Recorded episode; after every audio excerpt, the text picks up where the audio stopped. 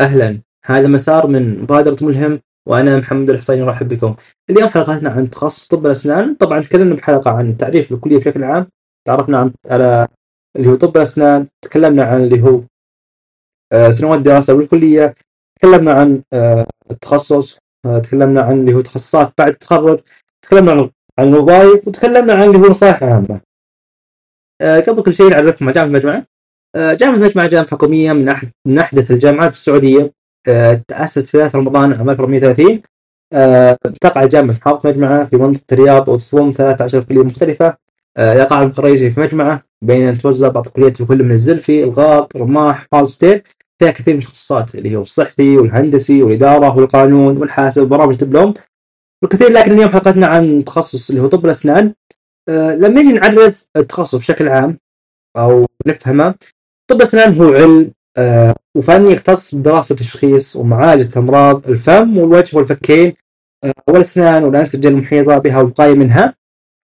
نيجي نتكلم عن الدراسة بالكلية آه، بجامعة مجمعة عندنا سنة تحضيري راح ندرس فيها اللي هو المواد اللي هو الرياضيات فيزياء كيمياء أحياء حاسب مهارة اتصال فيها كثير من المواد صراحة بشكل عام متنوعة.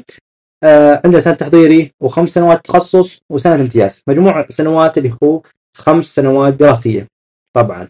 بعد ما تخلص اللي هو التحضيري في عندنا السنة الأولى بالتخصص والسنة الثانية طبعا راح يكون فيها الجانب النظري أكثر من آه الجانب العملي راح يكون فيها معامل محاكاة آه بشكل عام. بعدين عندنا اللي هو السنة الثالثة والرابعة والخامسة آه، بالتخصص. آه السنة الثالثة والرابعه والخامسه بالتخصص راح يكون فيها الجانب النظري قليل راح يكون فيها الجانب العملي أكثر. آه اللي هو قلنا مثل ما قلنا آه، اللي هو الثالث والرابعه والخامسه مع التحضيري اللي هو آه، السنة الرابعه والخامسه السادسة. أما السنة السابعة اللي هي سنة امتياز آه، بشكل عام معروفة عند الكل. نيجي نتكلم عن اللي هو تخصص طب الاسنان كأي تخصص صحي يمدي يتكمل في المسار الكلينيكي أو يعني بعد التخرج آه، تشتغل بالعياده أو المسار الأكاديمي اللي هو آه، بعد ما اللي هو بعد ما تاخذ ماجستير آه، في تخصص معين يكون في طاقم تدريس في طب الاسنان طيب اللي حاب يكمل بالتخصص مثلا يتخصص بشكل معين بشيء معين عندنا اللي هو أكثر من تخصص بشكل عام ما نتكلم عن الكلية. في عندنا طب وجراحة اللثة وجراحة الأسنان في استعاضه سنية في جراحة الفم والوجه والفكين في تخصص العصب تقويم آه، طب الأسنان للأطفال طب أمراض الفم والوجه الفكين طب الأسنان متقدم الشامل هذه بعض التخصصات اللي حاب يكمل بعدين. آه نجي نتكلم عن وظائف. طبعا هذا الموضوع كثير مخوف الطلاب أو الطالبات آه بشكل عام موضوع الوظائف. آه بالنسبة للوظائف والفرص المتاحة حاليا حاليا جالسين نعيش في مرحلة اللي هي الخصصة وبإذن الله نكون مستقبل وظيفي جدا ممتاز.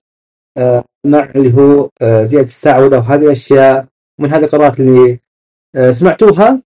وراح يكون فيها كمية وظائف كبيرة بإذن الله. ولا زال بيد الله سبحانه. بشكل عام اللي راح يشتغل على نفسه يطورها راح يلقى الوظيفة المناسبة له. وكثير من الخريجين بالكلية سألتهم في ناس تطوعوا سنة سنتين وتوظفوا بالنهاية بشكل عام اللي حاب التخصص راح يبدع فيه آه ويلقى اللي هو الوظيفة المناسبة له لكن يحتاج صبر آه وتثبت نفسك آه بشكل عام. نجي نتكلم عن اللي هو نصائح التخصص راح يختبرك في أكثر من شيء. التخصص راح يختبرك في أكثر من ناحية منها الصبر لأن طبيعي بالبدايات تشوف آه، تقدمك مو واضح آه، وممكن محاولتك الأولى أفضل من اللي بعدها. آه، لكن كل مرة تتعلم شيء جديد ما في شيء آه، أو ما في شغل يضيع يضيع وقتك. كل دقيقة تستثمرها في وقتك سواء بالتدريب أو بالاطلاع أو تطوع في مصادر خارجية يعتبر استثمار جميل وقتك. آه، التخصص راح يخليك تطور مهارات شخصية مثل الثقه بالنفس فن التعامل والإقناع وبناء علاقات مع المجتمع العام في وقت جدا مبكر مما يساعد على صقل مهارات كثيره عندك. نيجي نتكلم عن اللي هو آخر شيء لا تقارن لا تقارن. لا تقارن نفسك بغيرك يعني بشكل عام ما تقارن.